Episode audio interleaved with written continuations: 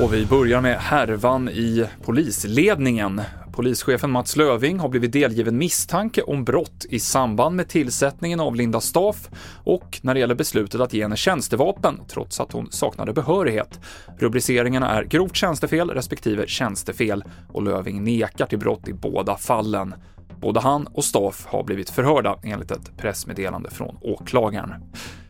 Det blir inget ja till ett svenskt medlemskap i NATO så länge det är tillåtet att bränna koraner i Sverige, säger Turkiets president Erdogan i ett tal till de egna parlamentsledamöterna idag, rapporterar turkiska medier.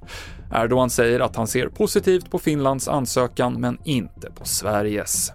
Och uppemot en halv miljon människor strejkar i Storbritannien idag och det här får stor påverkan på samhället eftersom lärare, gränspersonal och tåg och bussförare är bland de som inte går till jobbet idag. Det har varit omfattande brittiska strejker de senaste månaderna.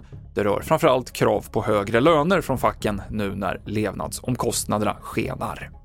TV4-nyheterna i studion Mikael Klintevall.